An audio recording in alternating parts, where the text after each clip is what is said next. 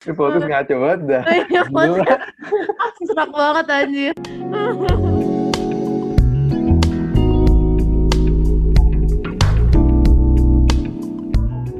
Everyone, welcome to Maroon Talks.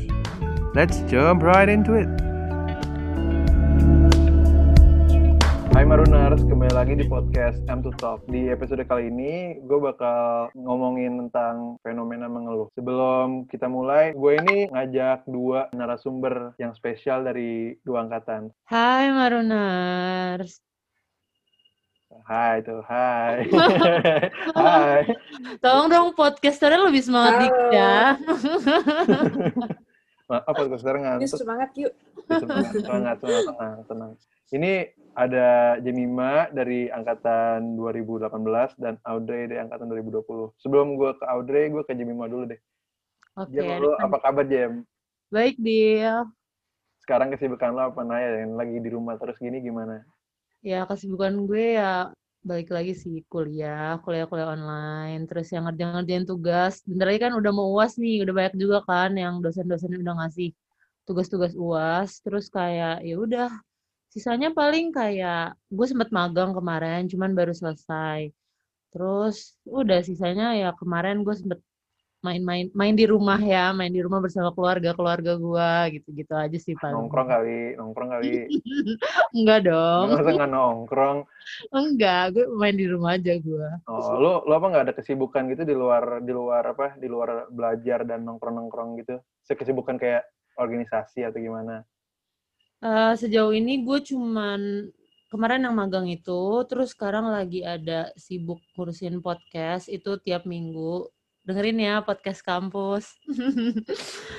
Nah, terus habis itu apa lagi ya kesibukan gue? Paling nugas. Gue lagi nggak ngambil organisasi. Oh, kemarin gue lagi sempat ikut panitia perspektif itu. Dan besok juga ada webinarnya.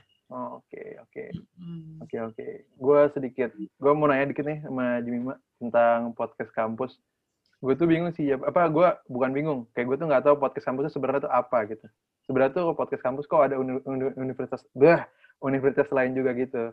Kena itu maksudnya apaan gitu gue nggak ngerti. Oh, jadi podcast kampus itu ya sebenarnya sama ya buat podcast juga. Cuman di mana podcast kampus itu dia kayak satu bagian yang naungin beberapa eh, universitas gitu. Nah, yang baru ikut tuh universitas kita Pajajaran, terus IPB. Cuman setahu gue sih kemarin UI juga baru mau ikut gitu loh. Jadi kayak itu gabungan dari universitas-universitas kayak PTN di, di Indonesia gitu.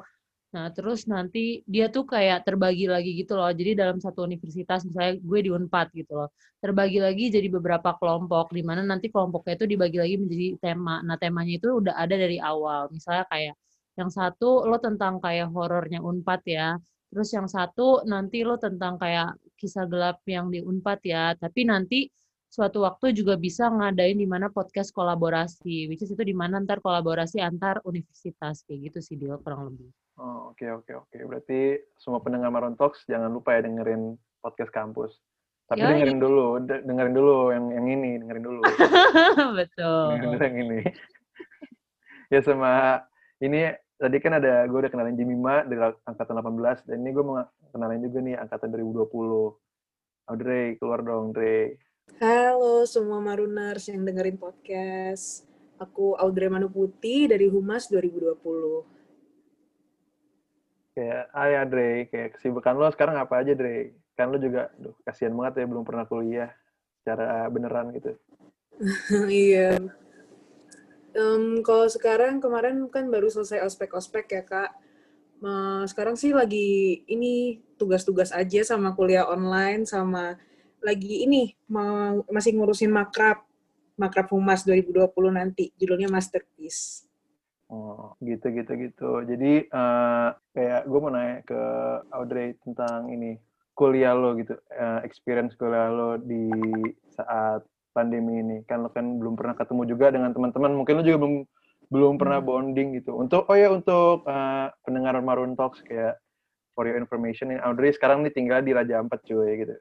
Enak banget gak sih? Kayak ya gitulah. Iya, Makanya dia juga betul. juga di, di Raja Ampat gua gua yakin nggak ada anak humas unpad gak sih ya kan yang belum belum pernah ketemu belum pernah nongkrong gitu Um, kan. nggak ada Nah, iya. satu-satunya.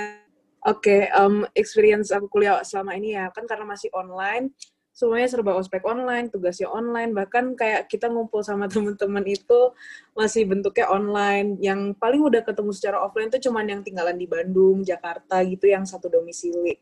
Jadi untuk eh, orang-orang yang luar pulau, yang benar-benar jauh dari Jawa seperti aku, hanya bisa bertemu lewat Zoom gitu. Kalau Humas 2020 tuh eh, ada kayak program, bisa dibilang program, itu kita ada Zoom every day. Jadi kita kadang kalau misalnya udah selesai kuliah gitu, gabut ngerjain tugas bareng gitu, kita punya kayak Zoom eh, angkatan, nanti kita kumpul di situ terus kayak ngobrol-ngobrol atau kayak ngerjain tugas bareng gitu, Kak.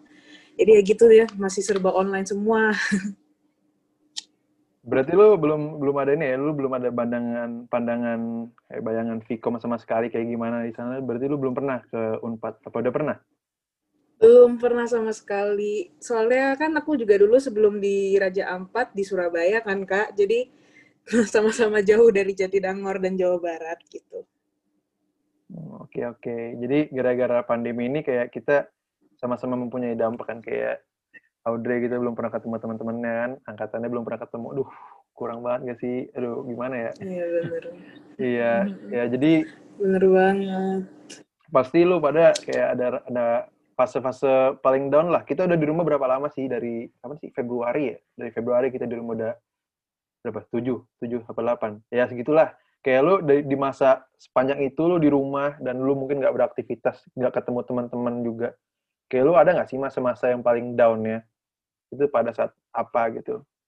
Di fase-fase mana? Kalau gua itu pas kemarin puasa itu, wah parah cuy itu pas PSBB pertama gua ya itu gue pas PSBB, pertama tuh parah banget kayak gue kerjanya cuma tidur doang terus eh, sampai keseringan mimpi-mimpi nggak jelas kalau lu gimana coba Dre Hmm, iya sih. Kalau aku sih yang paling-paling down-nya itu sebenarnya justru pas sebelum kuliah, Kak. Pas mau masuk unpadnya ini, waduh perjuangannya bener-bener kan. Apalagi di sama LTMPT tuh diombang-ambing, hamin berapa baru dibilangin kalau misalnya eh, UTBK-nya cuman ini, cuman TPB, eh kok TPB jadinya waduh, TPA ini TPA ya TPS, eh TPS TPS TPS. Mm-mm. Kok jadi TPB ya? Lanjut. Em, abis itu tiba-tiba Hamin berapa kayak dikasih pengumumannya dadakan-dadakan semua kan. Eh, bahkan hari H kita ini aja ujian aja tuh masih ada surprise. Kita harusnya subtesnya cuma 4 tapi tiba-tiba dapat 5 gitu. Jadi kayak waduh eh, penuh dengan lika-liku ya bahkan itu sampai bener-bener kulit aku yang kering berubah jadi berminyak saking stresnya kayak bener-bener itu stresnya tuh kayak numpuk gitu di dalam. Tapi begitu masuk Unpad, ya sama aja sih sebenarnya masih stres juga ya kak. Karena tiba-tiba langsung kayak, oh ada tugas ospek ini, begitu selesai ospek univ langsung apa fakultas gitu. Terus langsung ada UTS kalian osjur, jadi kayak masih sama-sama tingkat stresnya gitu. Tapi ya sedikit terobati lah. Sekarang dulu stresnya masih belum ada univ, sekarang stresnya udah stres di Unpad gitu aja. seneng lah ya mas pastinya lo masuk unpad kan Dre iya benar-benar. iya terus kalau Jema gimana Jema eh fase terdown gue tuh dimulai dari beberapa minggu gitu loh setelah gue balik ke dari Nangor ke sini ya ya gimana ya kan biasa kan kita ngejalanin kuliah tuh offline. Masa transisinya yang dari pindah dari offline ke online tuh kadang juga buat lebih capek nggak sih? Karena maksudnya kalau online itu kayak walaupun kita cuman kuliah di Zoom gitu-gitu tapi kan justru tugasnya makin kayak berlimpah-limpah gitu kan. Di mana kayak itu yang kadang ngebuat capek. Terus kayak gue ngerasa fase paling down itu di saat gue tuh bener-bener eh, di rumah aja terus kayak nggak bisa ketemu teman nggak bisa ketemu ada namanya Natasha lah itu teman gue yang mana kadep Madcraft cuy. Itu nah gue gak bisa ketemu dia setiap hari. Biasanya gue kan ketemu sama dia terus kayak sekarang gue nggak bisa ketemu. Terus banyak lah kayak sekarang apa apa apa gagap dah tuh gue. Apalagi pas pertama-tama pas pertama-tama ada corona kayak kita kan bisa ke mana-mana tapi waktu itu kan kita pernah tuh yang namanya harus maksudnya kita harus beli barang juga ke supermarket dan segala macam kan nah itu baru pertama kali di mana gue ngerasain gue ke supermarket tuh kayak keringet dingin. Pernah gak sih lo ngerasain kayak gitu gara-gara gue lo kayak takutan sendiri. Gak tau ya ini gue lebay atau apa. Tapi gue tuh sampai kayak keringet dingin. Saya kayak semua orang pakai masker jauh-jauhan terus gue kayak apa sih ini gitu loh. Maksudnya kayak fase terdown gue adalah menghadapi masa transisi dari gak ada corona dan adanya corona itu gitu loh. Alebay lu nggak gitu juga kali. ini tuh gue supaya ini aja, pakai bumbu. oh jadi gitu. Jadi lo emang kaget banget deh lo pas corona ya, Jem? Parah. Enggak parah juga sih. Ya standar lah. Standar lah. Ya, gitu lah. Emang pasti kita ada efeknya parah banget. Gue juga dulu waktu pas baru pulang ke rumah, aduh, gak bisa ke mana-mana tuh parah banget sih. Untungnya Kayaknya gua... lo foto-foto di luar mulu, Dil. Enggak, enggak. itu itu itu itu green screen, itu green oh, screen. green screen. Iya. Hmm. Kalau enggak foto-foto dulu hmm. gitu.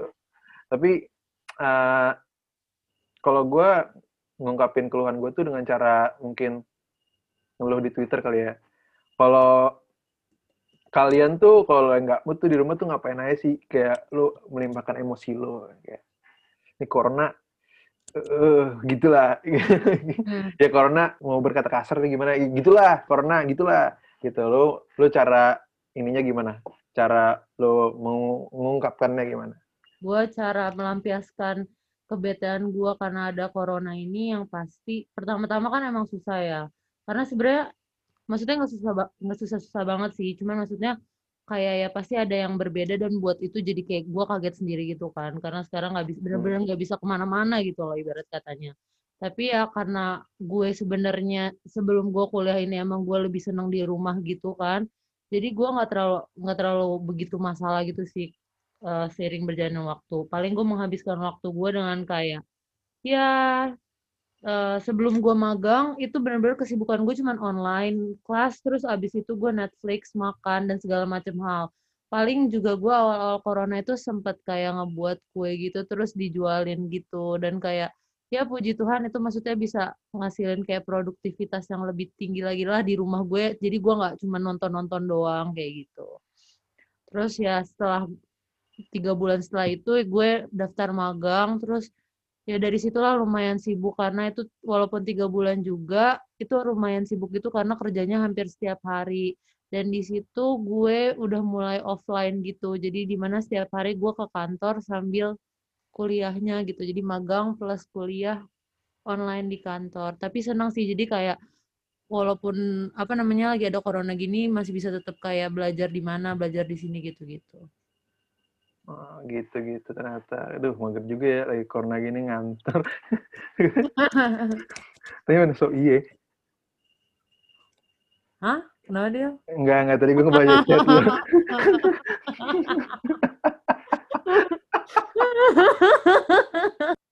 Ini fokus ngaco banget dah. Iya, Serak banget anjir. Dengar-dengar lu nggak kayak nggak ini, kayak lu ngungkapin keluhan lu tuh ke mana tapi sebenarnya Jem? Ya nah, itu, tadi kan gue bilang gue Netflixan, gue oh, baking gitu-gitu loh di terus gue oh, okay. belajar. Belajar. Kalau Audrey, Audrey gimana Audrey? Lu lu apa ngungkapin keluhan lo di saat pandemi ini gimana gitu? Hmm, kalau aku nggak seproduktif Kak Jemima ya. Kalau Kak Jemima kan kayaknya bener-bener kayak produktif banget tuh. Apa bikin kue, magang, apa. Kalau aku coping mekanismeku ya internetan, nonton YouTube, fangirlingan, gitu-gitu aja jadinya untuk menghadapi kesetresan selama pandemi ini gitu. Tidak melakukan hal yang produktif gitu. Sama sih, gue juga gue juga nggak pernah gue nggak nggak ngapa-ngapain juga sih cuma nonton Netflix doang. Tapi kayak lo selain lo down karena lo nggak bisa keluar rumah, kayak lo ada nggak sih kayak di kehidupan personal lo yang affected karena adanya pandemi ini, misalkan kayak your relationship atau misalkan lo dengan teman-teman lo atau lo jadi nggak dekat sama keluarga lo atau misalkan pacar pacar putus hmm. atau gimana? Waduh. Coba Dre. Hmm, kalau pacar sebelum pandemi aja juga udah putus sih kak, jadi nggak berpengaruh ya, bukan pandemi yang mempengaruhi oh, okay. ya. Um, kalau um, hubungan sama orang lain mungkin aku jadi tambah introvert aja sih. Jadi kayak aku susah bangun hubungan untuk pertemanan gitu. Kalau dulu sebelum pandemi pas SMA tuh kayaknya ngobrol sama orang tuh enak aja gitu kalau langsung kan tatap Iya, muka benar. gitu. Justru kayak aku yang approach orang duluan buat berteman gitu. Tapi begitu kayak selama pandemi ini udah terlalu lama sendirian tuh jadinya kayak apa ya mau deketin orang mau chat duluan tuh kayak takut mau kenalan duluan juga takut gitu jadi lebih kayak apa kayak aku ya jadi nggak nggak bisa gampang berteman gitu aja sih kak Jadi kaku lagi gitu lah ya. Kayak deketin, mau deketin orang Mm-mm, juga bener, kaku bener. gitu ya. Ya, kalau Jima gimana Jima nih? Mm. Kayak, kayaknya hubungannya banyak banget nih, kayak berat banget hubungannya nih kayaknya. Ada apa sih? Kayaknya penat banget. tuh waduh Gak ada hubungan gue. Ada. Maksudnya nggak ada kayak fase-fase lu kayak kayak affected karena lu di rumah di rumah terus dan mungkin juga kayak dengan lu bosen di rumah kayak ada efeknya nggak ke mungkin hubungan lo, lo nggak ke pertemanan juga Hmm. gitu kayak tadi Audrey bilang. Sebenarnya tuh ada lah banget karena kan tadi gue bilang kan biasa kan kalau di Nangor kita kan ya pasti hidup eh, bareng sama teman jauh dari orang tua kan pasti ngandelinnya teman kan terutama mau makan pasti sama teman gitu sakit ada teman mau belajar kuliah gitu-gitu ada teman kan nah begitu dari rumah ya kita udah jauh dari teman-teman dan kayak aku ini tuh kayak gue ini tuh tipikal yang nggak bisa chatan gitu loh dia gimana Oh. ya kalau jarak jauh kan nggak akan mungkin kita ketemu lagi Iya. corona gini lagi apalagi kan. Jadi sempat berpengaruh tuh kayak gimana ya kadang-kadang tuh ya udah hilang aja temen-temennya gitu loh. Tapi kayak ntar sekali sekali sekali baru chatan lagi. Nggak yang kayak nggak yang kayak biasanya kan kita bener-bener yang bisa setiap hari ketemu gitu loh di kampus dan segala macam hal. Tapi kayak begitu corona kayak gini jauh. Palingan juga ketemu di zoom zoom kalau lagi kelas gitu. Chatan juga kayak mau ngomongin apa karena kan ya kita di rumah doang juga nggak sih dia mau nggak ada apa yang harus dibahas-bahas terus gitu itu doang sih paling gue perubahannya kalau dari hubungan-hubungan pertemanan Oh, selain pertemanan nggak ada. Jangan lu berteman doang tapi kerjaannya. Nggak ada nih ceritanya. kalau hubungan hubungan apa nih dia Ya sharing dong kayak tentang kayak perspek- dari perspektif eh, hubungan apa pacar gitu misalkan. mau baca Iya, sharing juga dong, sharing juga. Mungkin ya pendengar Morontok juga ingin tahu kan dari